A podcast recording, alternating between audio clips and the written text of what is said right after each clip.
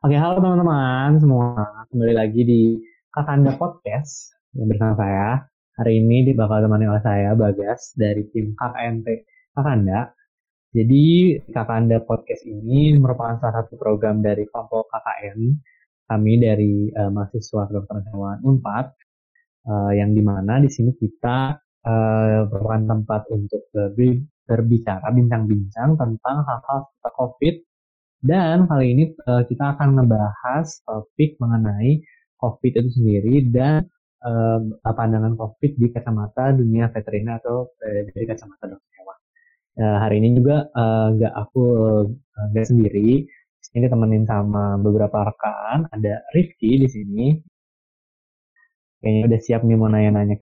Jadi hari ini pemateri kita untuk bahas topik hari ini adalah Dokter Hewan Endang Setiawati Magister Science of Agriculture. Beliau merupakan salah satu dosen di Universitas Pajajaran, tepatnya di program studi kedokteran hewan. Dan uh, ya, mungkin bisa langsung aja kita ketemu oleh dokter Endang. Mangga.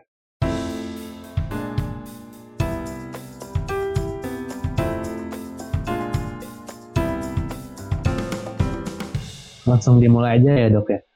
Ya, jadi, gimana uh, untuk, caranya coba diajari okay, dulu. Uh, jadi uh, sebelumnya uh, minggu-minggu sebelumnya kami telah uh, mensort uh, menanyakan ke melewati platform Instagram mengenai pertanyaan-pertanyaan sekiranya apa sih yang masih dibingungi oleh masyarakat ataupun teman-teman yang ada mengenai COVID itu sendiri. Dan kebetulan karena mungkin uh, kami semua adalah mahasiswa kedokteran hewan, pertanyaannya menjurus ke uh, ranah uh, veteriner gitu dok. Jadi mungkin dari sini kami pun uh, ya, uh, berpikirnya kayak oh, mungkin salah satu uh, narasumber terbaik adalah dokter uh, dari dokter hewan sendiri ya udah mungkin salah satu dosen itu akhirnya kami memutuskan untuk uh, menunjuk narasumbernya adalah dokter dokter Endang itu sendiri. Sini sebenarnya ada sekitar enam pertanyaan dok. Sebenarnya lebih banyak tapi banyak juga yang mirip-mirip. Uh, Jadi uh, kami sudah sortir dan gabungkan. Mungkin langsung mulai aja kali ya dok. Uh, dok. Untuk pertanyaan pertama itu mengenai bagaimana transmisi virus corona dari hewan ke manusia dan uh, bagaimana sebaliknya.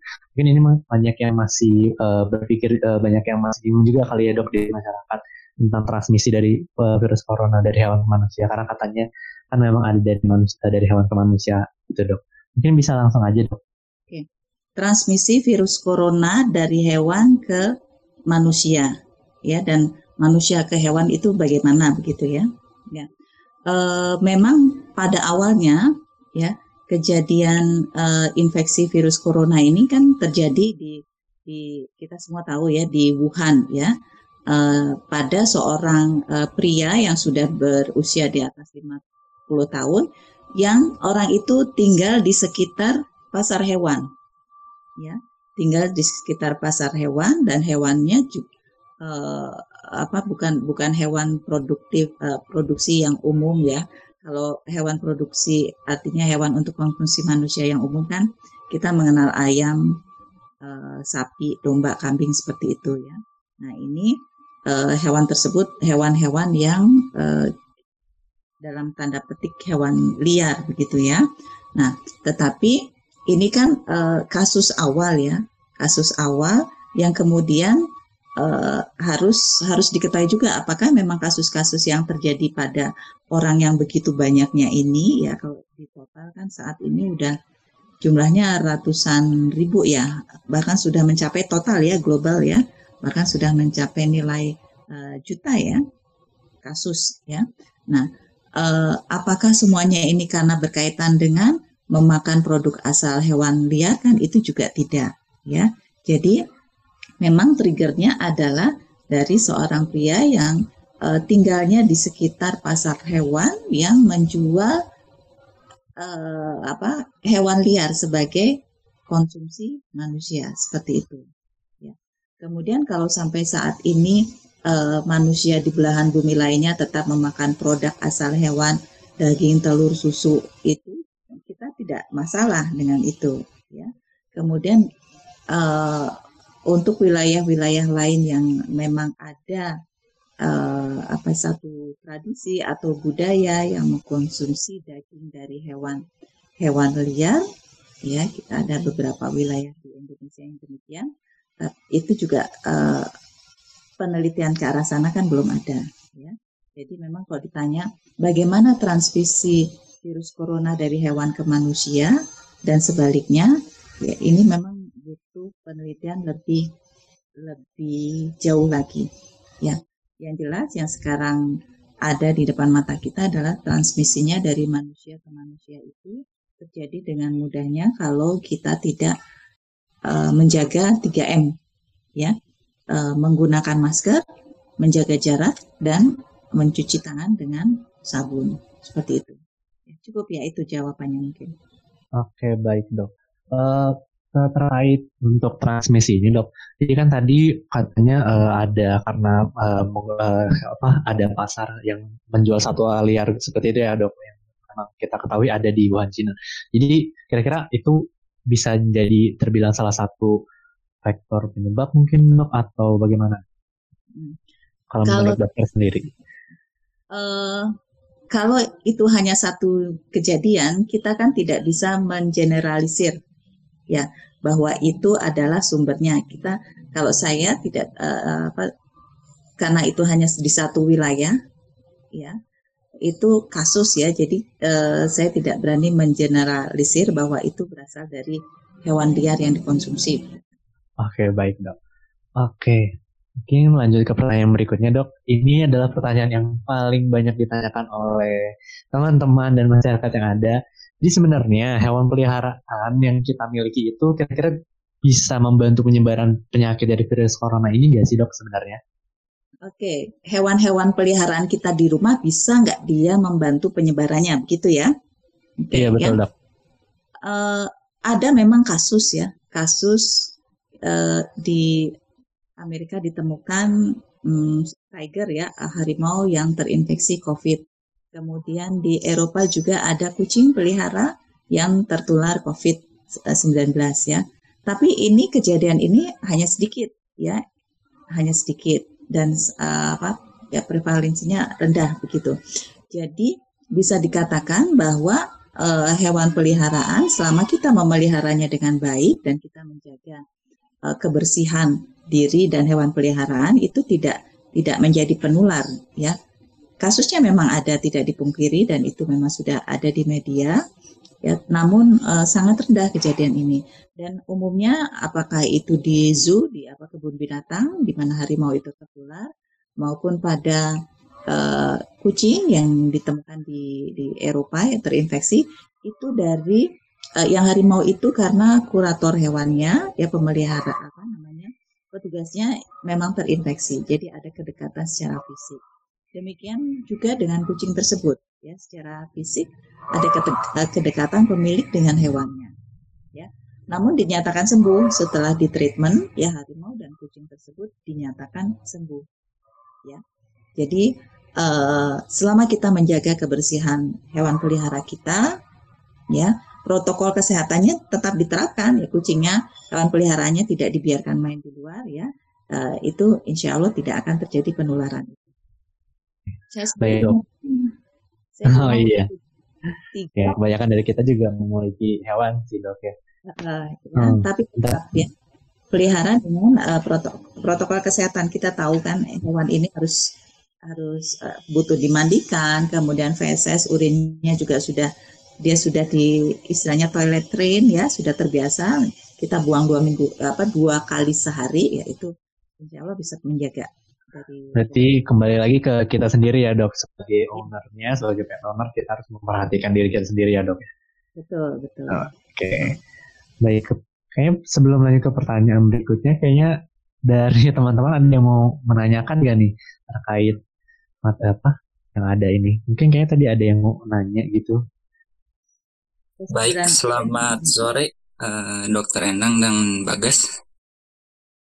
Sore Rifki. Sore Rifki. Gimana Niki? Saya Rifki, salah satu anggota dari KKN ini. Uh, mungkin langsung aja ke pertanyaannya ya dok ya. Kan kalau semisal kita sekarang berpergian ke mana-mana ya dok, ke kantor, ke mall, bahkan ke tempat ibadah, kadang kita uh, erat dengan kaitannya dengan istilah disinfektan dok. Tapi menurut saya yang telah belajar bahwa sebenarnya kalau disinfektan itu lebih cocok penggunaannya untuk material ya bahan material yang digunakan untuk benda mati dok. Jadi yang ingin saya tanyakan adalah apa sih dok sebenarnya arti antiseptik, disinfektan, dan antibiotik dok seperti itu? Oke ya, baik ini pertanyaan yang bagus ya. Di masyarakat ini uh, sering muncul saat ini ya.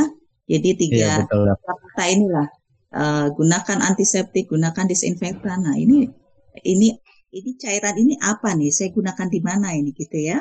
Ya, baik ya. Kalau antiseptik ya itu larutan ya larutan kimia ya yang umumnya digunakan pada jaringan hidup ya di permukaan tubuh ya itu antiseptik. Kalau disinfektan ya sama tujuannya untuk uh, apa mengurangi mikroorganisme. Membunuh mengurangi mikroorganisme.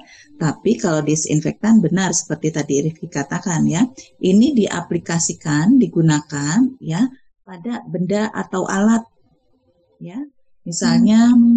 eh, apa ya eh, pegangan pintu ya pegangan pintu. Ya kalau kita masuk ke satu gedung atau apa ya khawatir ya bahwa di situ ada virusnya nah kita semprot desinfektan pegangan pintu ya.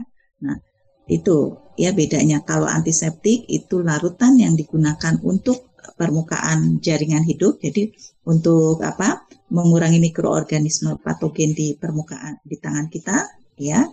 Uh, kalau tidak ada air dan sabun pakai antiseptik. Tapi kalau ada air dan sabun itu lebih baik menggunakan uh, air dan sabun. Ya airnya yang mengalir ya, jangan di, dibaskom terus dikucuk-kucukin air. Ya, jangan seperti itu. Ya. Nah antibiotik ini juga sama ya, ini uh, apa uh, bisa dalam bentuk cairan, padatan, ya tablet gitu ya, untuk membunuh mikroorganisme. Tapi biasanya itu mikroorganisme yang ada di dalam tubuh. Ya, Nah, jadi diberikan secara peroral atau injeksi. Ya. Jadi jelas penggunaannya ya.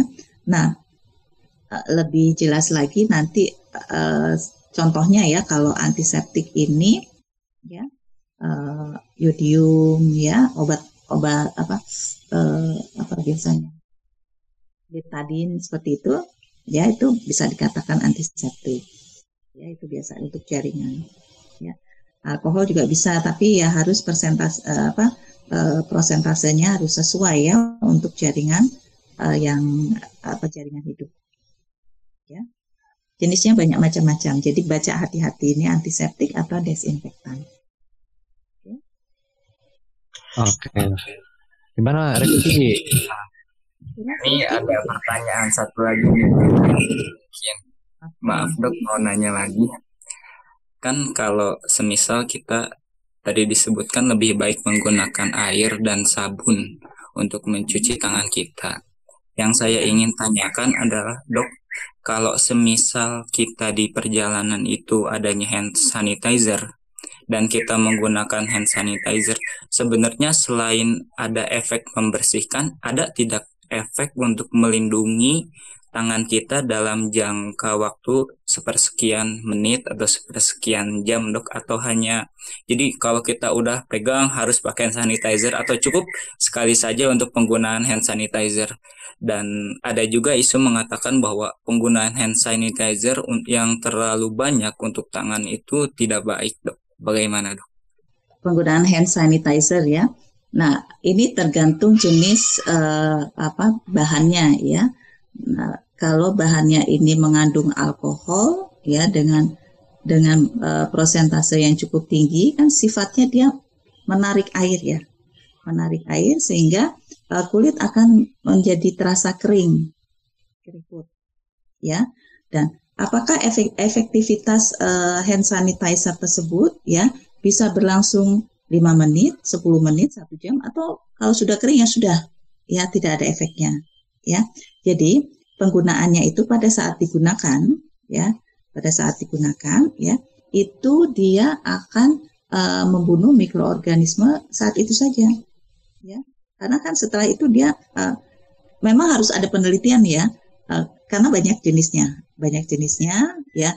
Itu juga akan tergantung pada uh, apa namanya kondisi tangan kita, tangan yang kering, tangan yang basah dan sebagainya. Jadi sampai berapa lama uh, apa efek antimikroba itu ada di tangan kita itu memang masih butuh penelitian. Cuma kalau uh, biasanya digunakan, misalnya kita habis bepergian sebelum masuk rumah ya, wah sabun nggak ada, air mengalir tidak ada gitu. Atau misalnya kalau kita bertamu gitu ya, bertamu tidak ada fasilitas cuci tangan, kita pakai dulu ya. Nah itu maksudnya untuk e, memutus ya, memutus kalau-kalau ada bakteri yang ada di tangan kita. Jangan sampai kita masuk ke rumah orang ya, ke rumah saudara kita ya, di tangan kita ada mikroorganisme. Nah sampai di rumah orang kemudian kita pegang gelasnya, pegang meja, pegang sandaran kursi ya. Nah itu kan jadi menularkan. Jadi maksud kita menggunakan hand sanitizer sebelum memasuki rumah ya untuk membunuh mikroorganisme yang yang ada di tangan saat ini yang kita bawa dari luar. Sehingga pada saat masuk ya tangan kita sudah terbebas dari mikroorganisme yang di luar itu. Ya. Tapi kalau sudah di dalam, di dalam ada ya bisa nempel lagi. Ya. Seperti itu. Dan uh, saya pernah melihat apa tayangan di TV ya di uh, apa um, National Geographic uh, National Geography ya uh, di situ ada satu uh, penelitian di Inggris ya ternyata efektivitas uh, mencuci tangan dengan sabun dengan penggunaan hand sanitizer itu lebih efektif menghilangkan kuman mencuci tangan dengan sabun dan air mengalir ya karena pada saat mencuci tangan tentunya kalau kita menerapkan cuci tangan yang baik dan benar ya jadi eh, apa namanya sela-sela jari, punggung tangan, ya, sisi tangan, jempol dan sebagainya. Ya, pasti hafalkan langkah cuci tangan gerakannya. Nah, kalau itu dilakukan, ya, jadi semua sela-selanya ini kan kena kena sabun, ya itu lebih lebih efektif dibandingkan kalau dengan uh, apa namanya hand sanitizer itu kan umumnya bahannya cepat menguap ya. Jadi baru digosok-gosokkan di permukaan sini, tangan sini, sudah menghilang, sementara punggungnya belum tersapu. Ya, nah itu uh, studi yang dilakukan oleh apa uh, peneliti di di Inggris ya, saya melihatnya dari tayangan TV.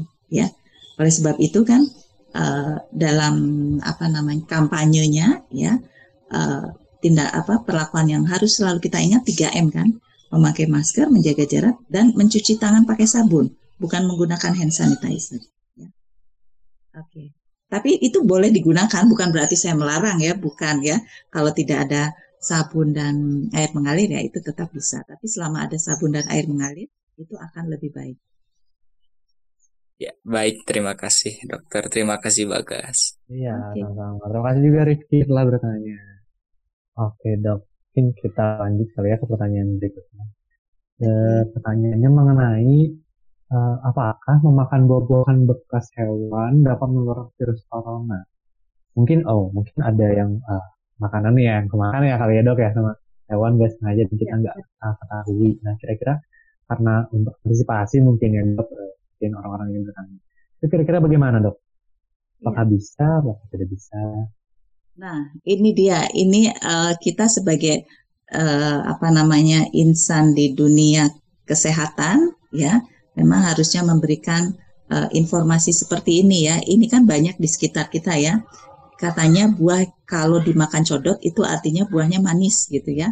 Sudah matang dan manis ya. Jadi mereka pun ikut uh, makan dan ingin menikmati manisnya ya. Penelitian mengenai adanya penularan melalui buah yang sudah diinfeksi oleh codot kelelawar beb ya itu memang saya belum pernah baca itu ya kejadiannya juga ya mungkin uh, belum pernah dengar saya ya. Jadi uh, untuk kehati-hatian ya kehati-hatian kita kita tahu bahwa semua makhluk hidup ini mengandung mikroorganisme di dalam uh, tubuhnya ya cairan tubuhnya maupun di permukaan tubuhnya ya. Di masa sekarang ini di mana kita harus selalu waspada terhadap uh, mikroorganisme yang belum kita ketahui identitasnya, uh, kemudian apakah dia bisa menularkan atau tidak juga belum kita ketahui.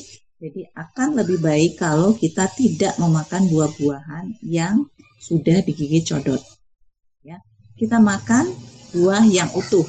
Ya, walaupun dikatakan bahwa oh biasanya manis nih berarti matang pohon dan sebagainya ya ya ya mungkin saja benar ya manis ya tapi kita tetap harus uh, menjaga ya preventif itu akan lebih baik daripada kalau sudah terjadi sesuatu akan menjadi sulit ya contohnya kan uh, trigger awal uh, apa coronavirus ini kan juga dari seorang laki-laki di daerah Wuhan yang uh, mungkin pasar itu pasar hewan itu sudah lama dan kejadian orang memakan apa namanya hewan-hewan uh, liar, uh, reptil dan sebagainya itu mungkin sudah biasa di sana ya.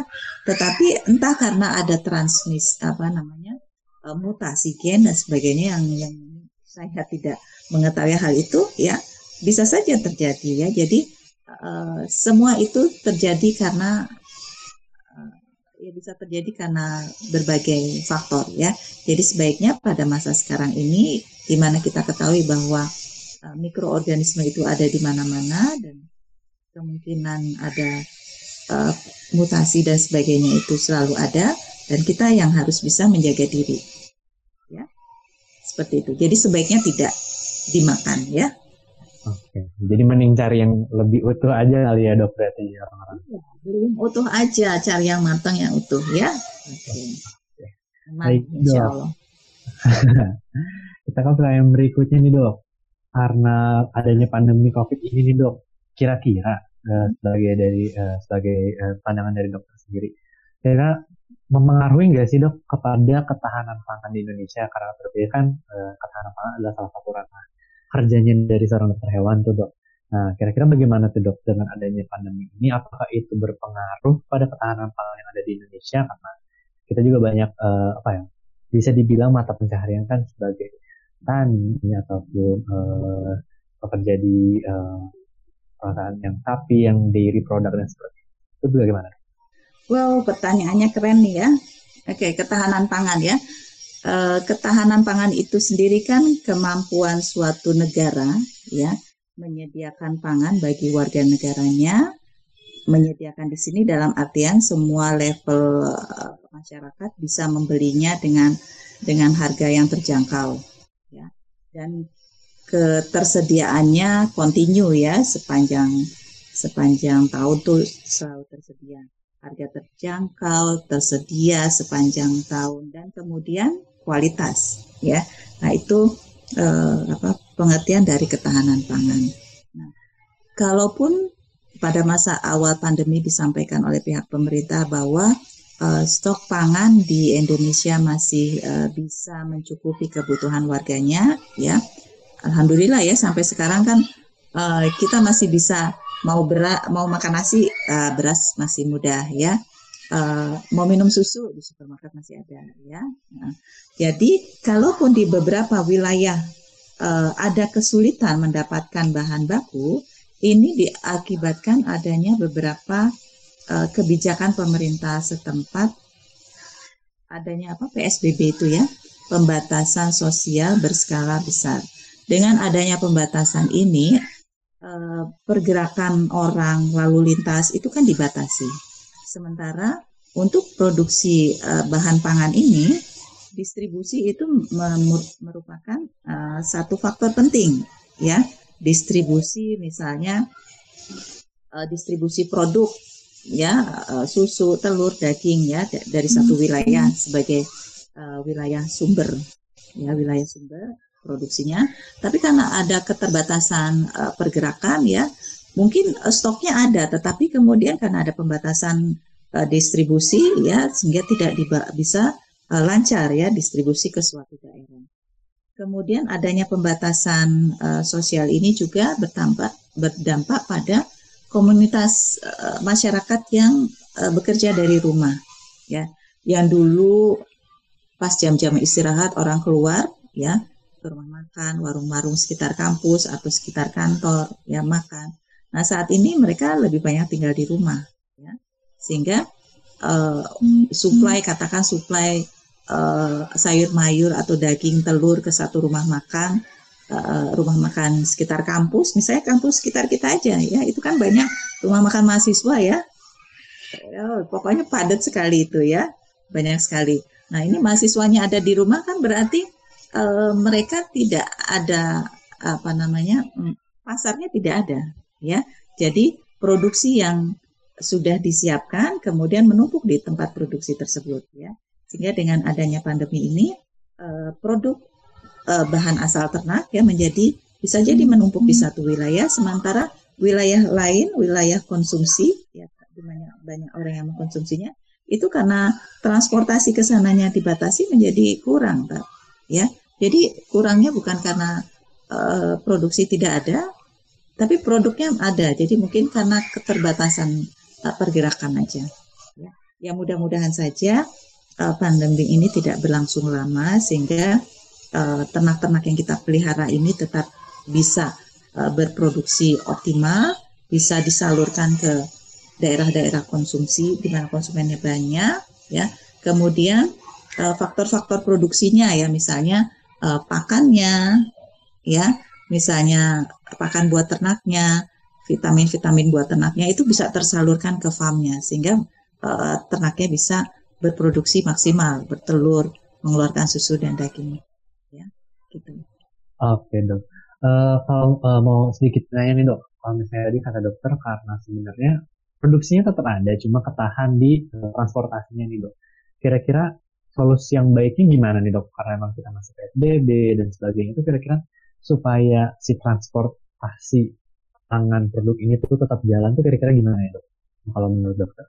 Ya, kalau yang yang saya alami di sekitar saya dan teman-teman saya ya, di mana uh, mereka menghasilkan uh, susu ya ternaknya ya telur dan sebagainya, mereka mengolahnya justru makin kreatif ya. Jadi yang biasanya dijual sebagai susu segar ya, uh, diolah menjadi uh, yogurt, kemudian menjadi apa namanya uh, margarin, ya mentega, ya, dan itu dijual di antara teman, di antara teman, ya. Jadi kita masing-masing punya WA WA group, ya. Eh saya nih uh, punya uh, punya susu nih, artinya produk susu saya saya buat, misalnya dia punya ternak binaan, ya. Produk susunya ini saya buat menjadi uh, butter, ya. Siapa mau beli gitu Nah itu jadi uh, ada kreativitas di situ. Tantangannya di situ ya kreativitas hmm. uh, untuk mengolah ya bahan asal ternak kan dikatakan sebagai perishable food ya. Jadi bahan asal hewan yang mudah rusak ya. Jadi kalau kita tidak segera mengolahnya ya tentu akan menjadi uh, sia-sia ya. Jadi di sini kemudian kreativitas kita muncul ya. Jadi meningkatkan kreativitas dalam uh, mengolah bahan asal hewan asal ternak. Dan kedua uh, menjadi apa jiwa wirausahanya tuh muncul. Ya menjual ke sesama teman. Kemudian saya menawarkan ke tetangga saya ya. Jadi jadi itu uh, apa yang muncul menjadi meningkatnya jiwa-jiwa uh, entrepreneurship ini kewirausahaan dan kreativitas mengolah tadi bahan asal hewan tadi jadi uh, thinking outside the box gitu ya dok, baiknya. Iya, kita, ya, gitu. Harus itu ya. Harus. Ya. Termasuk saya juga berkreasi nih. Oh, ya. gimana tuh dok berkreasinya dok? Kreasi saya, saya membantu beberapa peternak ayam yang uh, biasanya ayamnya tuh banyak diambil oleh uh, rumah makan sekitar sekitar uh, sekolah gitu ya, banyak. Kalau sekarang kan orang udah udah jarang lagi makan di warung ya. Jadi saya punya rumah makan ya. Kalau dulu itu uh, saya menjualnya dalam bentuk makanan uh, apa makanan basah istilahnya ya. Nah, sekarang saya memproduksinya menjadi makanan kering. Kalau dulu tuh ayamnya ayam ayam goreng biasa gitu ya. Nah, sekarang uh, ayam tersebut ini dalam rangka membantu peternak ayam juga nih yang ayamnya gedut-gedut gitu ya karena lama nggak ada yang beli ya jadi nggak dipotong-potong ya jadi saya buat itu menjadi ayam suwir, ya, lebih kering, lebih tahan lama. Jadi dimasukkan botol, ya, saya uh, apa jual online, ya, alhamdulillah gitu.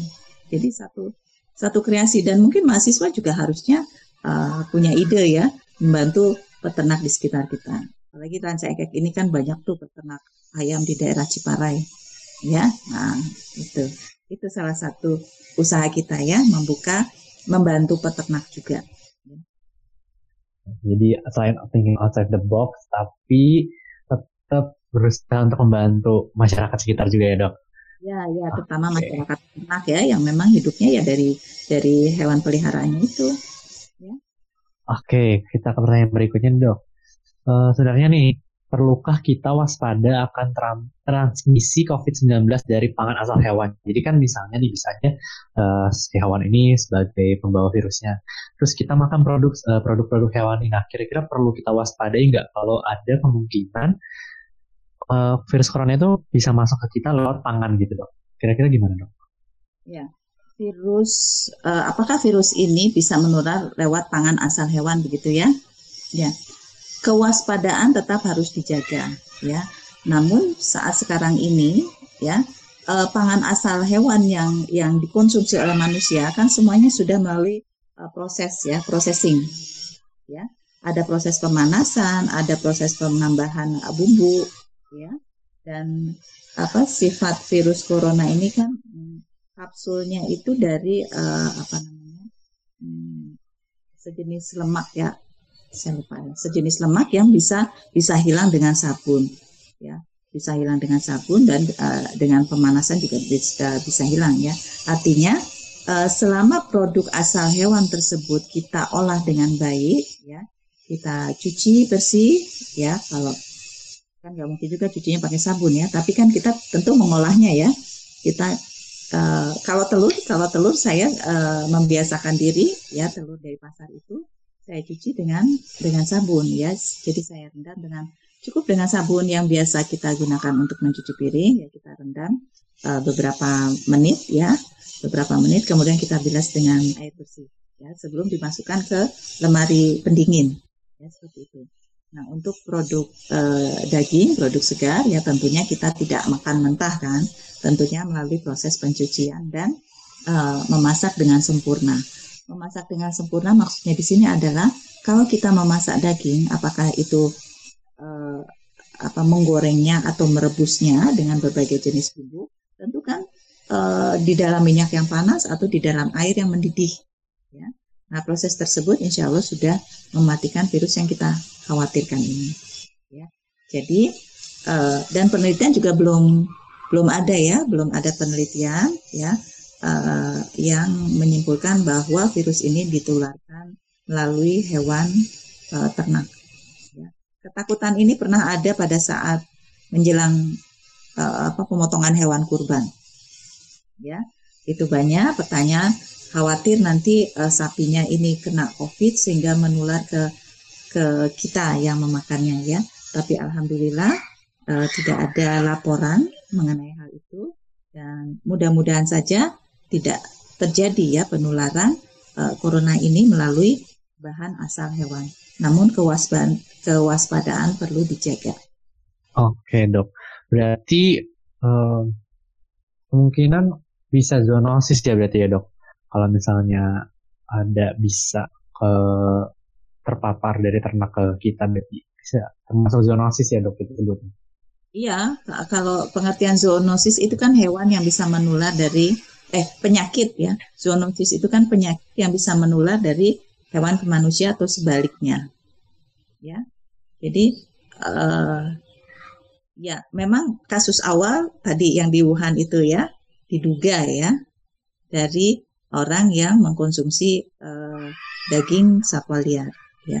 Tapi setelah itu kan uh, apa kejadian-kejadian misalnya penularan tadi pada kucing dan harimau di kebun binatang itu memang itu ada kejadian penularan hewan itu dari uh, apa pemeliharanya yang positif corona ya. Namun pada hewannya itu uh, bisa disembuhkan ya. Dan yang dari hewan ke manusia, katakan kucing yang corona terus menular ke pemiliknya itu uh, kasus itu belum belum ada ya.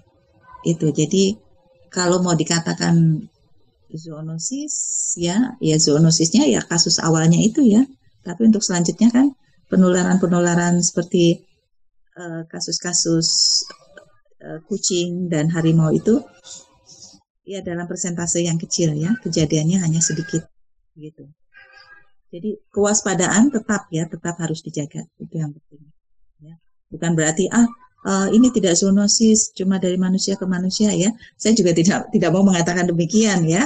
Uh, ini harus hati-hati mengatakannya karena kita sebagai warga uh, apa warga di dunia pendidikan ya semua harus berbasis pada uh, penelitian ya tidak boleh hanya hanya satu atau kasus yang rendah kemudian kita generalisir itu juga uh, jangan sampai terjadi ya. Jadi jangan sampai juga apa yang sampai saya sampaikan ini meresahkan ya. Jadi saya cuma menyampaikan uh, tetap selalu jaga kebersihan. Kita sebagai uh, apa namanya? Insan ya masyarakat kedokteran hewan ya yang berkecam apa ber sehari-hari ya bekerja dengan hewan ya ma mahasiswa juga demikian ya. Kita menjaga diri kita dan hewan-hewan yang menjadi tanggung jawab kita ya. Semua kita uh, apa upayakan dalam kondisi sehat. Ya 3M-nya jangan lupa.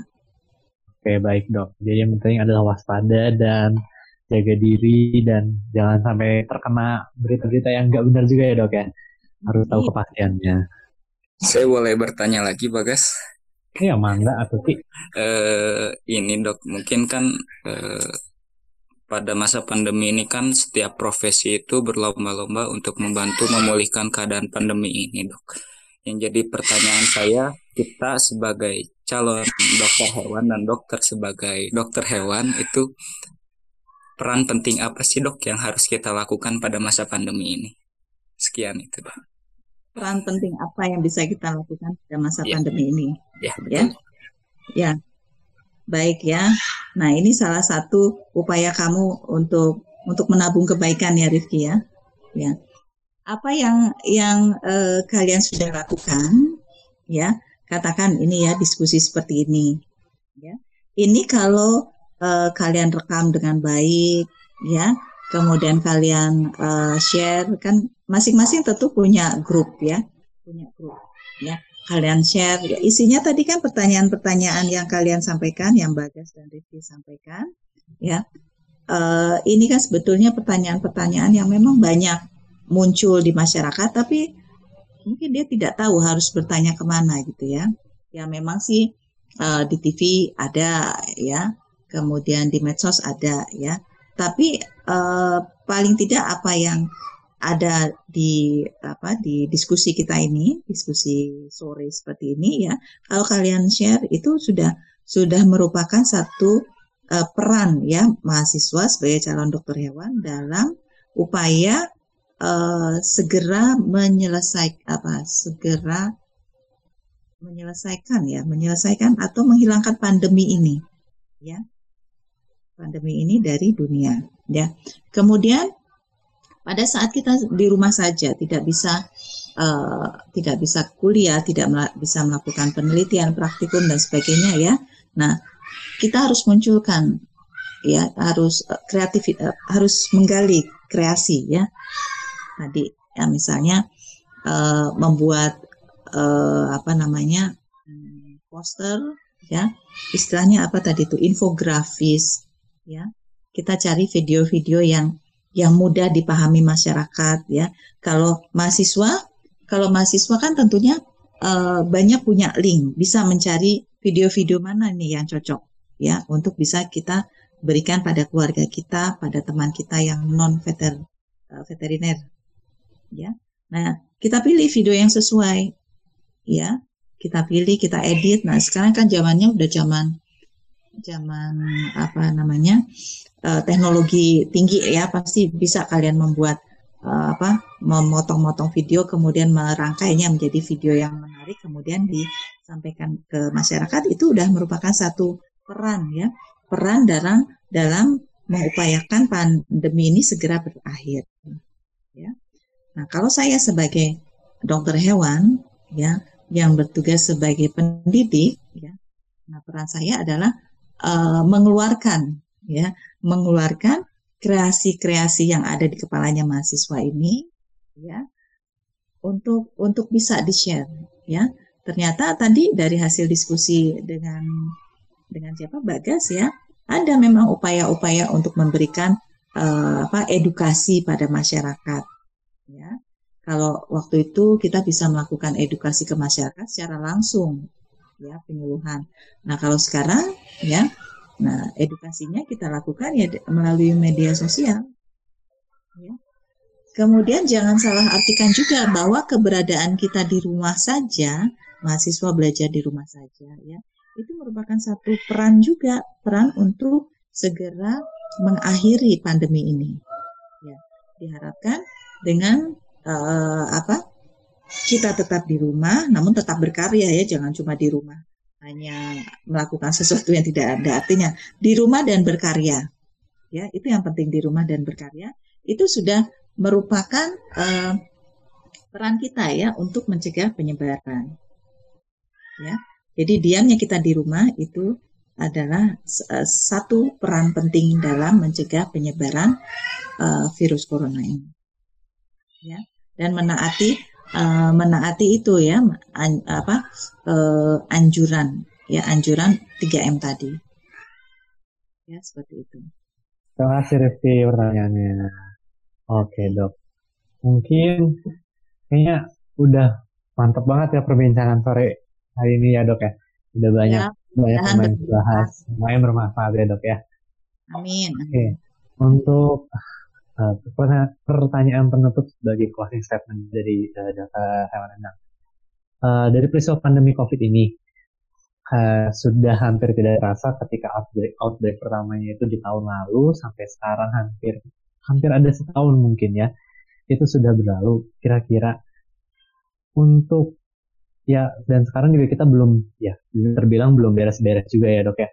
Yang semoga juga bisa selesai dengan cepat juga yang diharapkan semua orang kira-kira hal-hal apa saja nih yang harus dipersiapkan untuk menghadapi kemungkinan pandemi selanjutnya baik dari sisi kita uh, di sisi kita sebagai mahasiswa ataupun sebagai masyarakat umum ataupun uh, dari pihak pemangku-pemangku kebijakan seperti pemerintah itu apa uh, apa saja sih yang sekiranya bisa kita persiapkan gitu dong? Ini pertanyaan berat ini ya. Persiapan, persiapan ya untuk eh, jika sampai pandemi ini berlanjut ya, berlanjut ya. Ya. Eh, tentunya kita harus taat pada eh, anjuran-anjuran yang dilakukan oleh yang oleh pemerintah daerah ya. Jadi uh, kasus corona ini kan uh, berbeda levelnya, berbeda tingkat keparahannya di tiap wilayah ya. Kita ikuti, kita patuhi ketentuannya. Ya. Jadi uh, apa yang dianjurkan oleh pemerintah daerah setempat, apakah mahasiswa yang ada di Bandung, mahasiswa yang ada di Sumatera Barat atau yang ada di Jakarta ya, ikuti anjuran pemerintah setempat kalau memang dia lakukan seperti Jakarta misalnya ada PSBB yang yang kedua dan akan lebih ketat lagi, ikuti ya, ikuti saran saran-saran mereka ya. Tapi pada saat uh, berada di rumah saja ya, itu kita manfaatkan teknologi informasi ya. Kita saring mana yang hanya bersifat um, apa apa ya menakut-nakuti ya. Jadi kita harus berpikir kritis ya ini hanya bersifat uh, menakut-nakuti saja atau memang benar itu harus uh, kritis ya. Kalau memang uh, ada hal-hal yang memang bisa kita ikuti ya, kita ikuti ya. Misalnya untuk uh, apa untuk mahasiswa ya, untuk mahasiswa persiapannya apa? Ya, mahasiswa yang biasa uh, bergerak ya aktif ya kemudian harus belajar semuanya dari rumah tentu ada kejenuhan ya dia harus mempersiapkan diri. Persiapannya apa? Ya persiapannya emosi pertama. Ya, emosi ya. Usia-usia kalian ini 20-an ya. Hmm. Emosinya tinggi, masih ingin ke sana kemari gitu ya.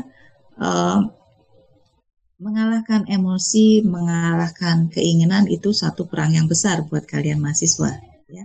Jadi persiapannya bisakah saya menekan emosi saya untuk segera main uh, apa ke kampus untuk uh, berinteraksi dengan uh, masyarakat ya untuk melakukan penelitian dan sebagainya ya ini butuh perjuangan ya. Kalau dulu perjuangan itu dengan mengangkat senjata, kalau sekarang perjuangan itu uh, melawan emosi diri kita, ya, diri kita sendiri yang di dulu pemuda-pemuda disuruh keluar angkat senjata. Sekarang pemuda-pemuda di dalam rumah, ya. Nah, coba apa yang bisa kita lakukan dari dari rumah, ya. Nah, tentu tentu ini ya pertama mengendalikan emosi untuk bisa uh, ikhlas di rumah, tidak diam saja. Uh, ada banyak yang bisa dilakukan dari rumah. Ya, tadi uh, grup kecil ini sudah melakukan uh, apa upaya mengedukasi masyarakat dengan membuat uh, komik ya diharapkan dengan komik ini uh, masyarakat dengan mudah ya memahami apa sih informasi-informasi uh, yang penting untuk diketahui berkaitan dengan pandemi ini kemudian dikaitkan dengan bagaimana uh, upaya diri kita masing-masing untuk bisa uh, segera menyelesaikan atau me, apa uh, menuntaskan ya apa ya istilah yang tepat ya segera men, uh, apa, menghilangkan pandemi ini dari muka bumi kita. Ya seperti itu. Jadi persiapannya lebih ke persiapan uh, uh, mental kita kalau kita ternyata memang belum boleh uh, banyak melakukan tugas di luar rumah ya. Kemudian persiapkan juga uh, mental kita ya kemampuan kita untuk berkreasi dari rumah ya kita harus bisa ber, berkreasi yang lebih baik lagi. Ya. itu yang yang bisa saya lakukan. Berkreasilah sesuai dengan bidangnya. Berkreasilah sesuai dengan kemampuannya. Kalau tidak tahu tanyalah pada yang lebih tahu seperti itu ya. Dan kolaborasi itu penting ya. Misalnya uh, kedokteran hewan ya bisa berkol uh, berkolaborasi dengan eh, teman-teman uh, dari uh, ilmu komunikasi ya. Bagaimana sih saya punya ilmu ini loh ilmu bagaimana menjaga kebersihan diri ilmu bagaimana uh, apa uh, mengurangi resiko penyakit infeksi gitu ya dari di sekitar kita tapi saya nggak tahu bagaimana menyampaikannya supaya menarik di masyarakat itu kolaborasi seperti itu. Oke. Okay. Baik, terima kasih dok. Jadi kalau dari dokter sendiri yang mungkin bisa dipersiapkan yaitu dari masyarakat itu bisa lebih berpikir kritis, eh, lalu mempersiapkan diri juga mengikuti uh, informasi yang ada, peraturan yang ada di daerahnya masing-masing. Lalu untuk lebih kepada terhadap kita mahasiswa, lebih mempersiapkan diri, pengendalian emosi, mental, Lalu tentunya yang uh, terpenting untuk ke depannya sebagai mahasiswa tentunya bisa berpikir di luar kotak atau outside the box untuk berlebih berkreasi dan melakukan kolaborasi kolaborasi dengan bidang disiplin lain. Oke dok, terima kasih banyak Dr. Hewan Endang atas bincang-bincangnya pada sore hari ini. Semoga apa yang kita bicarakan hari ini bisa menjadi manfaat untuk masyarakatnya nanti ke depannya ya dok ya. Oke. Okay. Oke. Okay. Ya.